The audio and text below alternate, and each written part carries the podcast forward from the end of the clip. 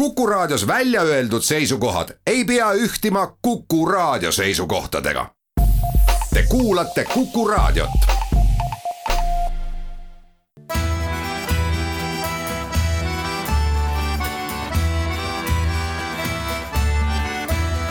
Kirillitsas Eesti tere päevast, head raadiokuulajad, eetris on Kirillitsas Eesti saatejuhiks nagu alati Pavel Ivanov ja stuudios hea meel tervitada Lasnamäe linnaosa vanemat Vladimir Sveti. tere päevast. ja sõjaajaloolast Igor Kaputinit. tere. meil on täna teemad, mis on konkreetselt külalistega ka seotud ja see seotus on ka tingitud nendest materjalidest, mis oli ka viimase seitsme päeva jooksul venekeelses meedias äh, tähtsal kohal, aktuaalsed teemad. aga ma alustaksin Igor sinust ja küsiksin äh, intrigeerivalt, et äh, tuli uudis, seltsimees Kaputin.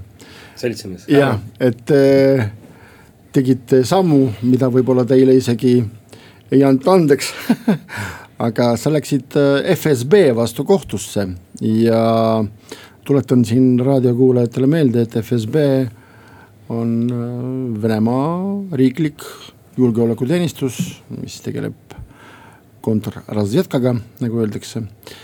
aga sa otsustasid ikkagi teha selle sammu. võib-olla sa selgitaksid meile Vladimiriga ja ka raadiokuulajatega, et punkt üks on see, miks sa seda tegid. ja teine väga oluline küsimus, mida sa sellest sammust loodad? vaadake äh,, lugupeetud alusta põhjusest, alusta, alusta sellest äh, pealkirjast ütleme niimoodi, et äh, FSB arhiivis äh, äh, on väga palju dokumente, siis isiku toim-, toimike, mida uurijad ei saa kätte. ja need, need toimikud, uurimistoimikud puudutavad nii neid isikuid, keda on rehabiliteeritud ja ka need, keda ei ole rehabiliteeritud. ehk siis ütleme niimoodi, et kui me teame näiteks, et meil on vaja nagu tutvuda ajaloolasel või ma ei tea, ükskõik kellel, koduloo uurijal, suguvõsa uurijal on vaja tutvuda äh, siis inimese äh, toimikuga, mis äh, asub FSB arhiivis. ja see isik on rehabiliteeritud, siis kui sellel uurijal puudub siis Venemaa riigisaladuse luba või luba siis külastada FSB arhiivi, siis ta ei saa selle toimikuga tutvuda isegi kui see isik on ajalooline isik, kes on siis noh, on olnud represseeritud, on rehabiliteeritud. ehk siis siit me jõuame nii kaugele, et äh, sa tahtsid äh, saada ligipääsu dokumentidele, mis puudutab äh, ajaloolist uuringutööd, mis on seotud Koltšakiga. ja vaadake nüüd, admiral Koltšak on olnud Vene ajaloos äh, siis väga olulise tähendusega ajalooline figuur. see oli ajalooline isiksus, kes osaliselt mõjutas ka Eestit, sest admiral Koltšak on olnud Vene valge äh, Äh, siis äh, liikumise liider, Venemaa ülemvalitseja, äh, kes muuhulgas on määranud ka Vene valgete suhtumist Eesti iseseisvusse et, et see on üks asi, mis on seos Eestiga. teine seos võib-olla Venemaaga on see, et, et mitte ükski Venemaa ajaloolane ei, ei, ei saa siis minna FSB vastu kohtusse. Mitte ükski akadeemiline Vene ajaloolane, kes on seotud Äh, mõne uurimis- või teadusasutusega. sest äh, kui Venemaa ajaloolane teeb sellist sammu, siis ta kaotab, siis ta jääb lihtsalt äh, tööst ilma. ja, ja, ja selles osas on kindlasti minul missioonitunne, on ju. ma tahan näidata seda, et Venemaa peaks, Venemaal üldse on probleem, seisneb selles, et väga palju arhiivmaterjale, mis puudutavad ajaloosündmusi või ajaloolisi isikuid. sündmusi, mis on olnud sada aastat tagasi ja rohkem Äh, ja ka isikuid, kes on elanud sada aastat tagasi, on siiamaani salastatud. ma tahan öelda, et see on, et see ei ole normaalne, et äh, arhiivid peavad olema kättesaadavad. ja, ja, ja kui me saavutame kohtus äh, Moskvas äh,, varsti tuleb äh, kohtuistung on ju, et kui me saavutame äh, siis õiguse, siis me loome sellega pretsedendi. et ja osutame veel kord probleemile Äh, siis äh, probleemile, mis on Venemaal, et arhiiv, arhiivdokumendid on, on, on siiamaani salastatud aga mul on selline küsimus, et äh, kas sa tõesti nagu arvad, et on võimalik, et Venemaa kohtu kaudu sa seda võidu ka saavutad? Vaadake nüüd see Vene need Nõukogude dissidendid, mäletad, kuidas oli see Nõukogude dissidentide siis tegevuspõhimõte. Nad tahtsid, nad üritasid näidata Nõukogude režiimi siis probleeme tuginedes Nõukogude Liidu enda seadustele. läbi selle näidata, kuivõrd mäda on Nõukogude režiim. me tugineme Vene Föderatsiooni seadustele ja, ja läbi selle me näitame, kuivõrd absurdne äh, on see režiim, süsteem, äh, kuivõrd vigane ja, ja kui meil muidugi noh, see, et kui meil äh, poleks üldse olnud äh, lootust, et me saame kohtus võita, me poleks seda teinud.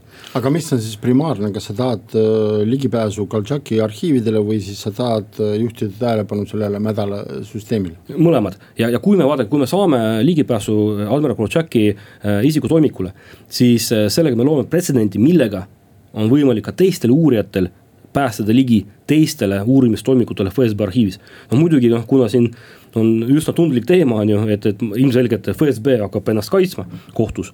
ja kuna kohtusüsteem Venemaal ei ole transparentne, siis eh, noh, on eh, muidugi noh, see šanss või see tõenäosus, et me võidame, on muidugi väike. aga ma ei saa öelda, et see on olematu. Eh, meil on kaasatud tegevusse väga siis asjatundlikud advokaadid. See on tiim kakskümmend üheksa kes äh, on, äh, on, on, on võidelnud siis äh, Venemaal siis inimõiguste eest ja nendel on ka, ka siis positiivselt lahendatud siis kohtu, kohtu siis case'e. aga kas Venemaal kohus on ka sinu hagi juba registreerinud?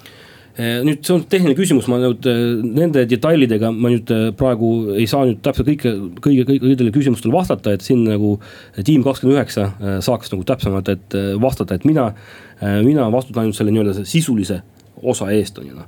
et kuna ma ise Venemaal viibida koha peal kohtus ei saa. sa oled ju mustas nimekirjas. kuna ma olen persona non grata Venemaal, siis minu asjad koha peal esindavad puhtalt kõik äh, siis äh, advokaadid, tiim kakskümmend üheksa advokaadid. aga see, et sa selles mustas nimekirjas oled, ma arvan, et see võib ka määravaks saada, et siis lihtsalt leitakse mittetransparentses kohtusüsteemis, nagu sa mainisid, mingisugune punktikene ja probleemi ei olegi. no see Vene, Vene Föderatsiooni seaduste kohaselt minu teada minu seaduslikul esindajal on õigus tutvuda dokumentidega, muuhulgas ka. tutvuda on, aga kohtumenetluse äh, subjektiks äh, määramisel vist ei, ma kardan, et ei õnnestu. no karta, karta kahetseda, igal juhul selles mõttes nagu mina loodan, et äh, igal juhul, et seda ei juhtu iga päev, et, et me FSB kohtusse kaevame et, et ma arvan, et, et, et, et, et, see, et, et juba sellist sammu oleme siin äh, teinud see juba näitab seda, et, et, et, et meil on äh, siis tegelikult äh, julgust äh, siis Venemaal rääkida siis nendest asjadest juba ka, ka siis juriidilises keeles nagu. ma saan aru, et kui sa saad selle, oletame, et kui sa saad selle ligipääsu arhiividele, siis kas ma väidan õigesti, et selle tõttu rikastub ka Äh, Eesti ajalugu, mis oli seotud Koltšakiga ja tolle ajastuga? no üldiselt Koltšaki suhtumine Eesti iseseisvus, iseseisvus on teada üldjoontes, on mõned dokumendid, mis on juba tegelikult avalikud äh, on, näitavad seda, et, et Omski valitsus ja, ja Koltšak ise äh, ülemvalitsejana arvas, et, et Eesti väärib ainult autonoomiat. ja seda juhul, kui Vene-Valged võidavad kodusõda kutsuvad kokku Asutava Kogu ning Asutav Kogu häälteenamusega äh, otsustab äh, Eestile siis anda autonoomiat. et siis äh, tegelikult see oligi vastuolu, sest toona Eesti vabaduse ajal Eesti oli, oli juba saavutanud iseseisvuse de facto. mitte juriidiliselt, noh, sest juriidiliselt noh, ta ei olnud tunnustatud, tunnistatud teiste riikide poolt, aga see on olnud, siin on praegu see, et, et vaadake, et, et see, et, et kui, kui, kuivõrd absurdne see olukord on see, et, et Koltšak äh, elas ja suri sada aastat tagasi on ju ja siiamaani need dokumendid salastatud. mõelge selle peale. muidugi, kui sekundiks vaadata selle sisusse, see selgitab nii mõndagi ka nendest põhjustest, miks lõppkokkuvõttes ka venelased kodusõjas kaotasid. absoluutselt äh,. venelased, valged Vene, Vene kodusõjas kaotasid, et noh äh, ükskõik, et ilmselt neil oli tegelikult kompromiss selles küsimuses oma punaste rivaalidega, ühed siis käitusid propagandistlikult ühtemoodi ja teised käitusid teistmoodi. ja kui me räägime ja lõpetame ajaloo teema, siis äh, ütleme, et eile avalikustati ühed huvitavad protokollid, mis äh, Venemaa ajaloolaste äh, arvates äh, väidavad ja kinnitavad seda, et Eesti liitumine NSV Liiduga oli täiesti vabatahtlik ja avaldati vastavad äh, protokollide koopiad. reklaamipaus, pärast oleme eetris taas.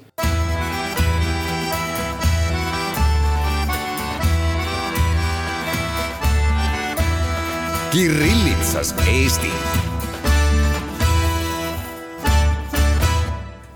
jätkame saadet, Ivanov, Svet ja Kaputin ja nüüd räägime siis vaktsineerimisest, millest samamoodi nagu ka kõikidest teistest aktuaalsetest teemadest loomulikult oli ka venekeelne meedia täis igasuguseid materjale. ja see, selle teema alateemade spekter on täiesti väga lai nii kuidas me teame, alates sellest, et äh, mida teha inimestele, kes on näiteks Venemaal saanud vaktsiini.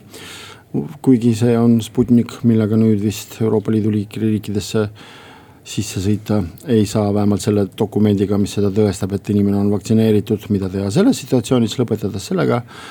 milliseid infolehte, miskeelseid infolehte jagatakse siin Eestis inimestele, keda vaktsineeritakse riikliku programmi järgi, mis on omaette mitte anekdoot, vaid hullemgi veel, aga alustame nagu sellest, et sina, Vladimir, sel nädalal olles äh, Lasnamäe linnaosa vanem, äh, me teame, et Lasnamäe on üks olnud vähemalt probleemne rajoon vaktsineerimise osas, et väidetavalt siis selle linnaosa inimesed ei ole eriti aldid minema ja ennast vaktsineerima, kuigi siis, kui Confido Lasnamäe keskuses, Lasnamäe tsentrumis korraldas esimese mitteregistreerijate vahel äh, massvaktsineerimise. jah, okei okay,, pakkusid kõigist viiskümmend vaktsiini, aga siiski huvi inimestel oli kõrge ja tekkisid ka järjekorrad. et äh, sa avaldasid väga kriitilise arvamuse et äh, me liigume, noh, mille mõte võib-olla minu interpretatsioonis niimoodi lühedalt kokku võttes on siis järgmine, et me äh, selle vaktsineerimise heas mõttes propagandas liigume vales suunas. et me oleme ära unustanud neid, kes kõhklevad ja nendele me absoluutselt ei lähene. ja sinu üks teesides on see, et järgmise vaktsineerimise etapp peab olema fokusseeritud nendele, kellel ei ole äh, usaldusväärseid suhteid riigiga sel, selles küsimuses ja nendega, kellel, et aru saada nende skeptikute hirme ja argumente.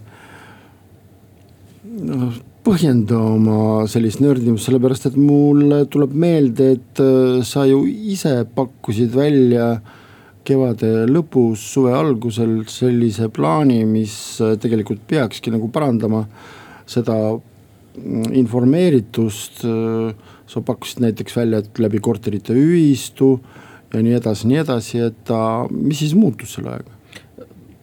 alustame algusest sa jõudsid oma küsimuses esitada väga palju väiteid, mis nõuavad minu arvates kommenteerimist. Lasnamäe häda ei ole see, et äh, meil on vähem vaktsineerijaid kui ütleme Mustamäel. meie häda on see, et äh, meie linnaosas on keskmiselt natuke rohkem inimesi, äh, kellel puudub nii tugev usaldussuhe riigiga.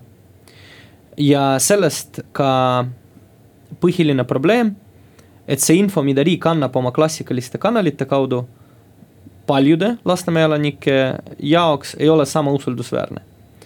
Äh, küsimus on selles, mis riigi, mis keeles nendega räägitakse, mis kanalite kaudu, äh, millises toonis. Äh, meil oli näide, kui vaktsineerimine oli alles algamas, kui Lasnamäe linnaosa valitsusel koos Medicumiga meile nagu paluti, et me jagaksime kaks tuhat doosi Pfizeri vaktsiini ja me jagasime neid ühe päevaga. Ja siis meil oli näide, kus äh, suurelt läheneti suure vaktsineerimiskampaaniaga ja järsku nähti, et äh, äh, eakad ei läinud nii aktiivselt vaktsineerima näiteks Tondiraba keskuses, kui loodeti millest on jutt ja tegelikult ma olen sellest rääkinud nagu algusest peale veel, ma ei tea, detsembrikuust, kui esimest korda see teema Lasnamäega esile kerkis.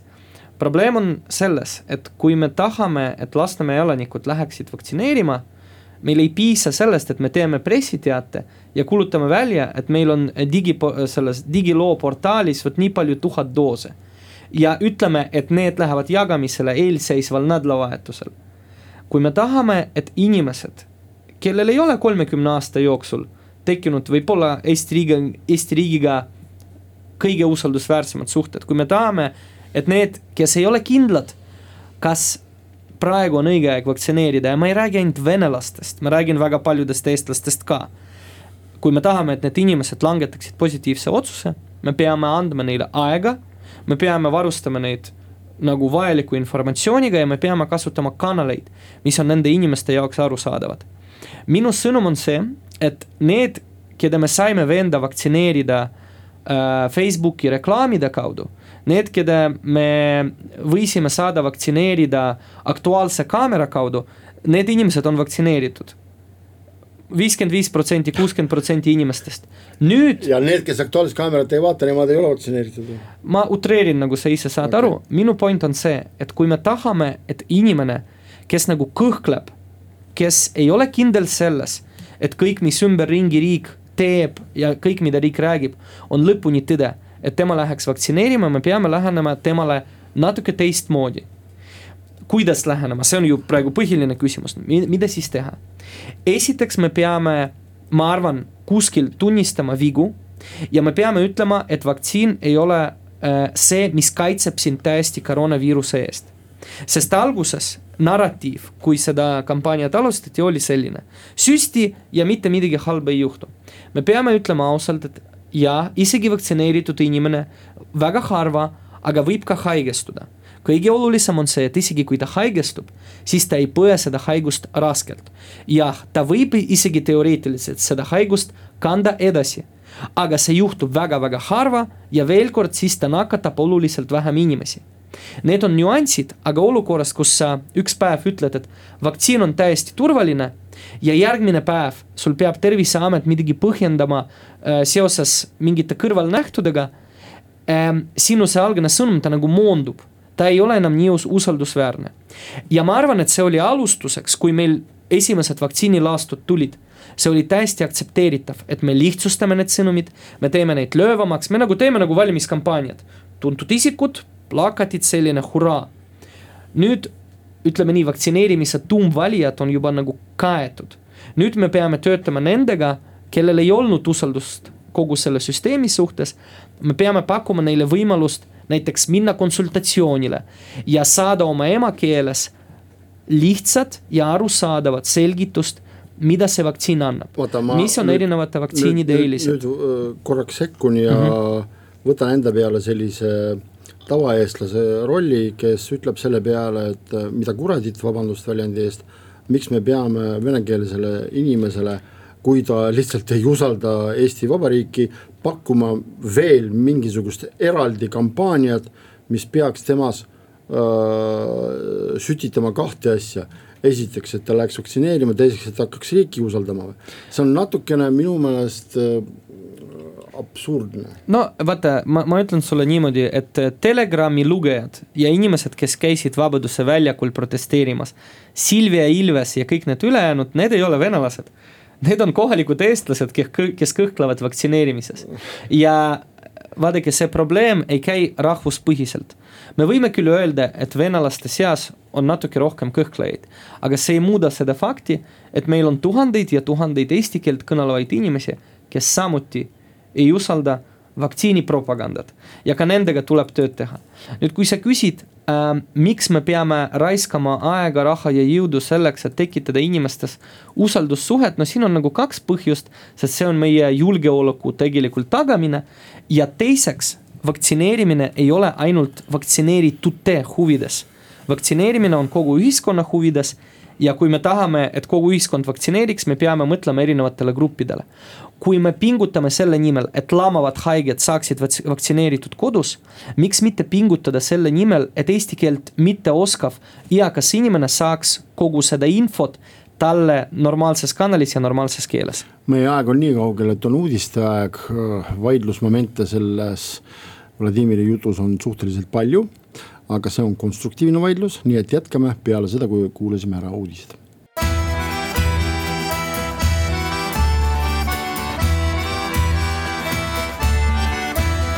Kirillitsas Eesti.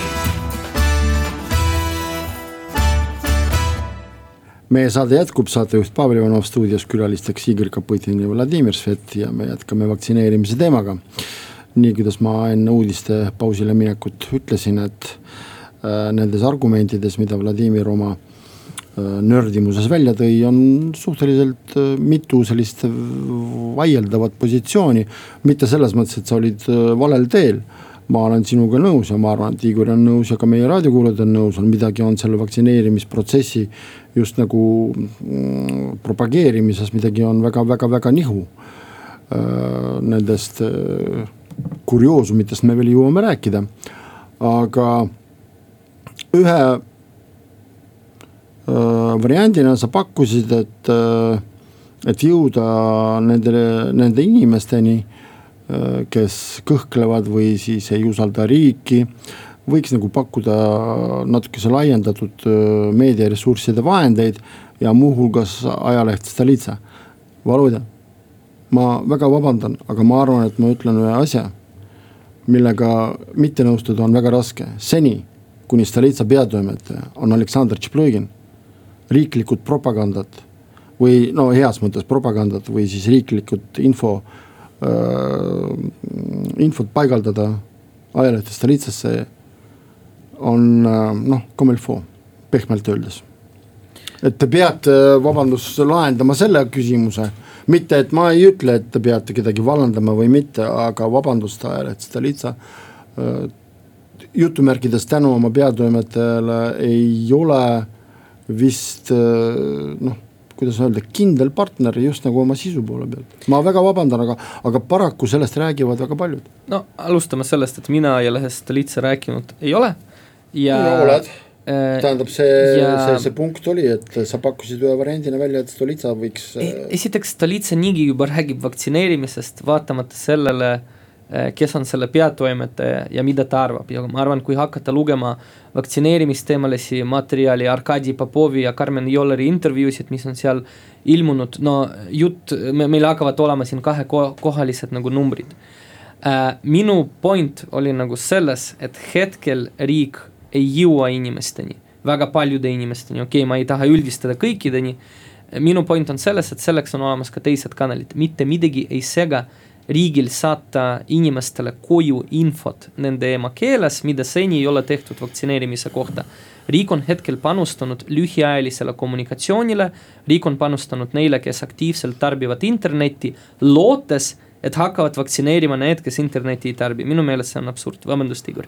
no ma siin jah tahaks nagu oponeerida on ju, et, et ma, ma, ma arvan, et et venekeelsete elanike seas äh, väga suurt populaarsust ikkagi omab Stolitsa, nagu tahame seda või mitte, on ju et Stolitsa no, on. sellepärast, et ta on tasuta ta,. tasuta. vastupidist ma ju ei väitnud. jah, Stolitsa on populaarne on ju ja mina seda pistiliselt loen, et selles ajalehes on ilmunud korduvalt mm, arvamusi, arvamusi, mis on äh, näiteks äh, noh, ütleme, tekitavad äh, küsi-, küsitavusi siis selles vaktsineerimise osas, võivad kül-, külvata teatud paanikat või siis nagu äh, Äh, hakkavad võrdlema siis äh, Euroopas, äh, Euroopa vaktsiine või Euroopas seda ähm, aktsepteeritud vaktsiine siis Sputnikuga. ja minu teada ka, paranege, kui, kui ma eksin, minu arust ka linnapea Mihhail Kõlvart on vist korra öelnud, et kui meil Euroopa vaktsiinidest jääb puudu, siis me võime kasutada ka Sputnikut, on ju. et, et me teame ju seda ka veel, et Sputnik tegelikult, Sputniku vaktsiin on Vene propagandas üks vahend infosõjas, mida kasutatakse äh, Euroopa riikide ja Eesti vastu. ei no vahend propagandas või mitte. lõpetada veel sellega, et vaadake, et ju tegelikult selle, selle vaktsineerimise vastased aktivistid, kes need on. Äh, üks nendest näiteks on äh, seesamune Olga Zaglada, endine selle Dmitri Linteri eksabikaasa öine vahtkond, eks ole noh, sa ütled, et see ei tähenda midagi, et seal ei, on veel ei, inimesi, seal on veel inimesi, kes on. imestasin, et sa selliseid asju tead. noh no, ja, ja endine üks Reformierakonna liige Rakverest, kes on äh, mingi personaltreener, äh, täielik puhas eestlane. vaata, minu point on nagu selles, et kui äh, no kui sa ütled, et seal on materjale, mis panid inimesi kõhklema, toome need materjalid välja, arutame neid. uudised selle kohta, et AstraZeneca ei ole vaktsiin, mida inimesed väga tahaks kasutada, ilmusid Stolitsas, Postimehes, Delfis ja ERR-is. kõik need halvad uudised vaktsiinide kohta, nad ilmusid ka kogu Eesti meedia mainstream'is. miskipärast, kui neid kirjutas ka nagu, nendest kirjutas ka Stolitsa, kohe tõustis mingi häda, mis mõttes nagu te, te nagu te, te pidurdate nagu vaktsineerimist no,, kui seda teeb Postimees. vaata, üks asi on see, et kui sa edastad uh, uudist kui informatsiooni, mis on kusagilt tulnud. ja teine asi on see, et kui sa tõesti raamid seda ümber mingisuguste kommentaaridega, siis uh.... veel kord, mina olen, mina mi,, mina olen kindel, et Stolitsas ei ole ilmunud konspiroloogide arvamusi vaktsineerimise teemal. Kui on ilmunud, siis mina eksin ja olen valmis oma sõnad tagasi võtma. mina nagu väidan, et põhilised, kes on Eesti riigis propageerinud vaktsineerimist, on olnud äh, Stolitsa veergudel ja pealinnalehe veergudel oluliselt tihedamini kui ma ei tea, mingil pä Päevalehe või Maalehe veergudel. Äh, Arkadi, vabandust, Arkadi Popov, Irina Dontšenko ja Ester Öppik on olnud nelja kuu vältel sisuliselt iganädalastel Tallinna linna pressikonverentsidel, mis nagu kanti üle ka ETV Plussi nagu eetris. mina nagu väidan, et Tallinna linn on oma ressursid maksimaalselt pannud tööle selleks, et inimesi koroonaviiruse ohtudest ja vaktsineerimisest kaasa arvatud teavitada. kuulge, Tallinna linn on ise kaasrahastanud neid, nende vaktsineerimiskeskuste nagu rajamist. ja ma nagu võin ise nagu teile öelda, kuidas me käisime ja tegime seda kampaaniat siis, kui need vaktsiinid tulid. ja ikkagi sa avaldasid arvamuse, kus sa oled äh, natukene noh, pettunud või nördinud selle kampaania just informatiivse poole pealt. aga ütle palun, kuidas, kuidas sa saad kasvatada riigi vastu usaldust äh, või siis äh, suuremat Äh, soovi ja tahet minna vaktsineerima, kui sulle jagatakse võõrkeelseid infolehti.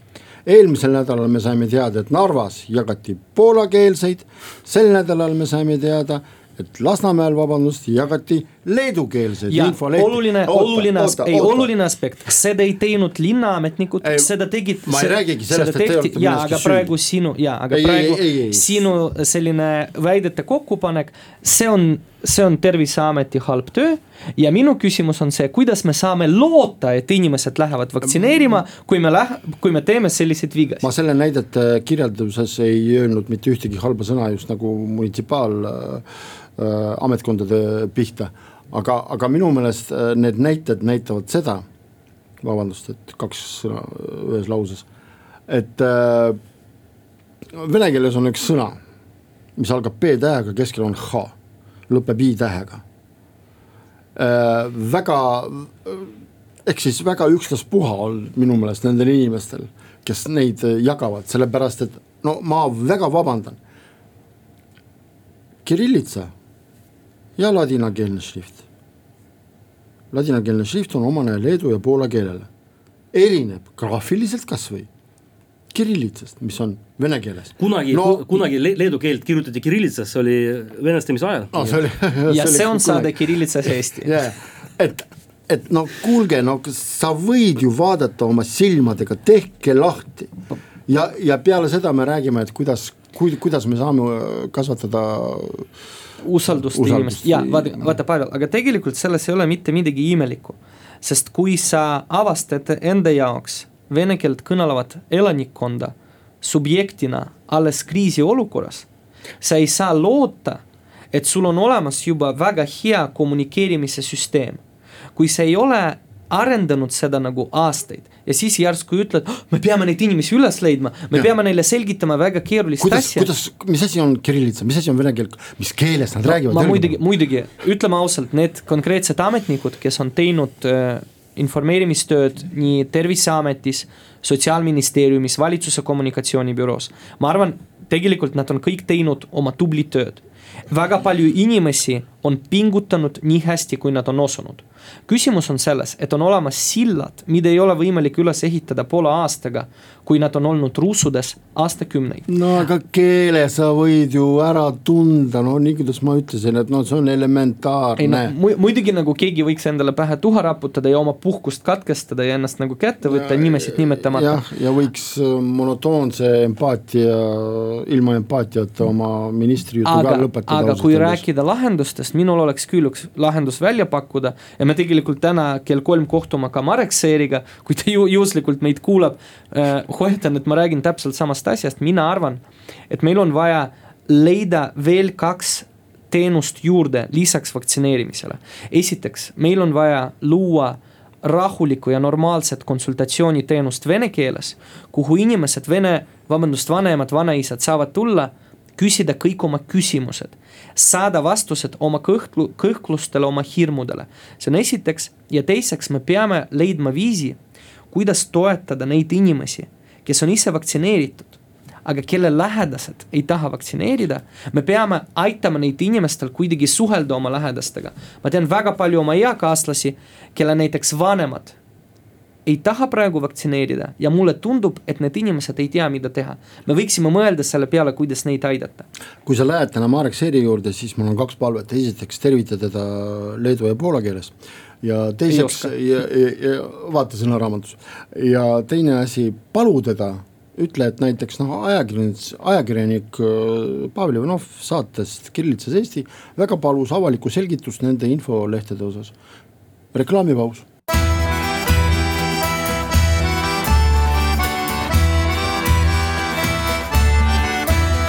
Kirillitsas Eesti.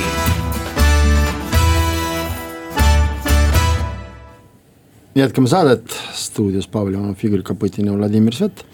räägime veel ühest teemast, mis äh, huvitab väga paljusid, see on siis äh, situatsioon, mis on tekkinud Leedus seoses sellega, et äh, Valgevenest on ümber suunatud, nimetame seda niimoodi, kolmandatest riikidest migrantide voog, mis on tekitanud riigi jaoks väga palju probleeme ja tegelikult mitte ainult riigile ühele riigile, vaid tegelikult sellest on välja kujunenud ja kujunemas veelgi hullem äh, Euroopa Liidu üldine probleem.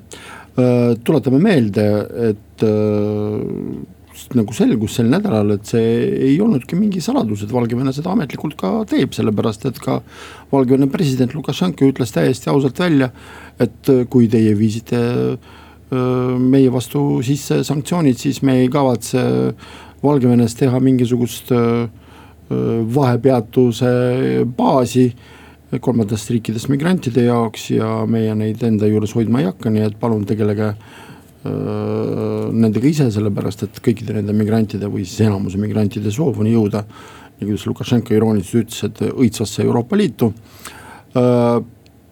teate, see ei ole ka uudne, nii kuidas selgus tegelikult seda migrantide teemat või ümbersuunamise teemat oma riikide territooriumilt eemale Euroopa Liitu on äh, praktiseerinud näiteks Venemaa, omal ajal Soome kallal, tegelikult on seda teinud Türgi.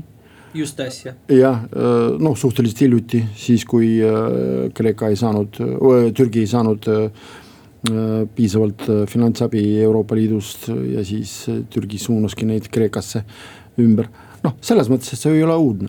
teine asi on tegelikult selles äh, kontekstis väga huvitav, et äh, Lukašenka ja äh, tema meeskond ise selle peale ei tulnud, aga tundub, et peale pool miljardit, pool miljardit rubla Lukašenka sai Moskvast ka veel väga äh, rikkaliku pehme mõju ja propagandapaketi, abipaketi, sest et noh, see samm on tõesti Kremli poliitoloogil, konspiratsiooniteooriate professionaalide poolt, sõna otseses mõttes professionaalide poolt välja mõeldud ja juba ka elus ära praktiseeritud, nii et selles mõttes ka ei tasu ennast äh, üllatada lasta, et see on midagi uudne Valgevene poliitikas.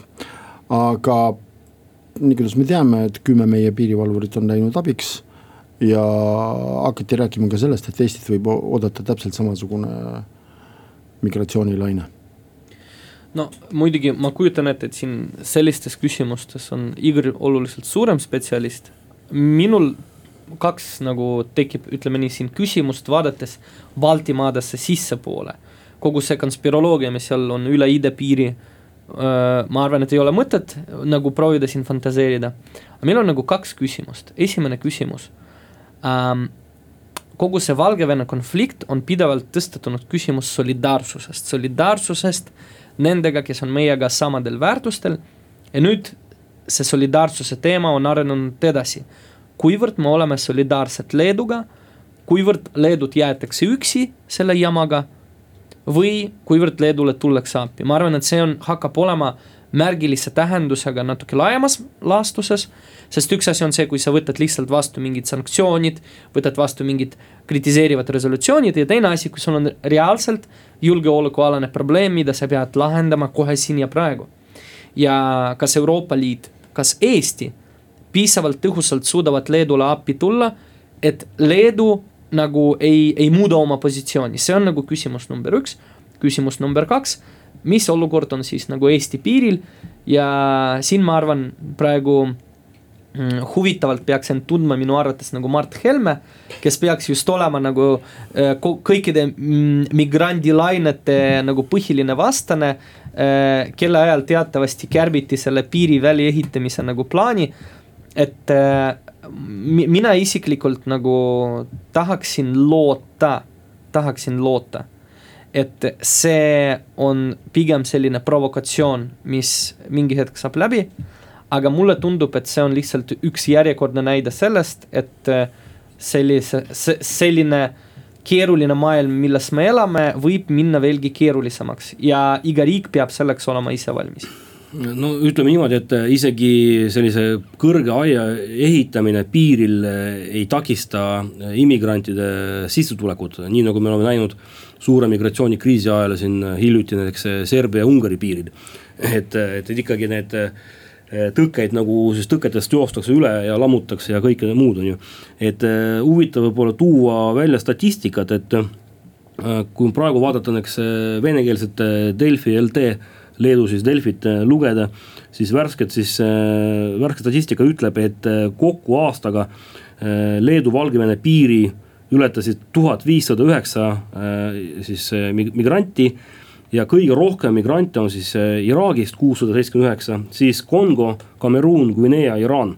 et huvitaval kombel, eks Süüriat näiteks ei ole, on ju.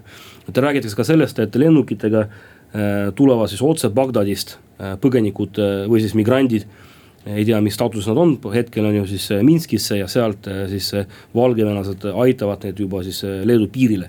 ilmselgelt on tegemist Lukašenka siis hübriidse sõjaga Euroopa Liidu vastu, konkreetselt siis mitte ainult Leedu, vaid ka Poola vastu, sest sarnane tegevus migrantidega seotud on, toimub ka Poola vastu. millest meil ei ole siin uudistes kahjuks ei ole räägitud, on ju, et see ei ole ainult nagu Valgevene-Leedu suhetes probleem, vaid ka Poolaga ja, ja mis nüüd, mida siis teha, et me saame aru, et, et Leedu üksi ei ole võimeline migrantide, migrantidega siis ei saa hakkama et äh, neil puudub, ei ole nii palju ressurssi. et äh, ja oluline muidugi, et Eesti osutaks abi Leedule selle siis Valgevene probleemi võtmes praegu siis küsitavusi on tekitanud Eesti siis otsus, presidendi otsus saata siis suur saadik, uus suursaadik Minskisse et äh, mida siis on, äh, on kommenteerinud mitmed siis äh, kolumnistid ja, ja poliitikud. ma arvan ilmselgelt, et see on, see näitab meie poliit-, välispoliitilist selgrootust. sest minu hinnangul, isiklikul hinnangul ja mida jagavad paljud teised välispoliitika kolumnistid, et Lukašenko ei ole enam seaduslik Valgevene valitseja ja seda enam minu meelest näiteks Eestil äh, peaks olema selles situatsioonis tegelikult äh, kõrge staatusega diplomaat, mulle tundub nii. aga muuseas, Vladimir, äh, sa said Lääne-Harju maavanemalt Jaanus Saadilt vastuse seoses sinu kriitilise arvamusega, mis puudutab vaktsineerimise informatsiooni. ma loen siin venekeelses Postimehes on Jaanus Saadi vastus sulle, et tema küll ei ole sinuga nõus, sellepärast et tema maakonnas elab väga palju venekeelseid inimesi, kes on täiesti normaalselt käinud ja vaktsineerinud ennast ja tema juhib tähelepanu, et äh, siiamaani pole küll sellist asja olnud, et keegi ei tulnud vaktsineerima sellepärast, et ta ei teadnud sellest. et pigem asi on ikkagi kõhklustes ja soovi puudumises. aga noh, nii et selles mõttes, et äh, sa tekitasid informatiivse laine mis on normaalne meie ühiskonnas ja annab ainest meediale, muuhulgas ka meie saatele mis hakkab nüüd lõpule jõudma. tuletan meelde, et täna meil olid saates külalisteks Lasnamäe linnaosavanem Vladimir Svet, ajaloolane Igor Kapõtin, aitäh. ja saatejuhiks oli Pavel Ivanov, aitäh kuulamast ja kohtume nädala aja pärast taas.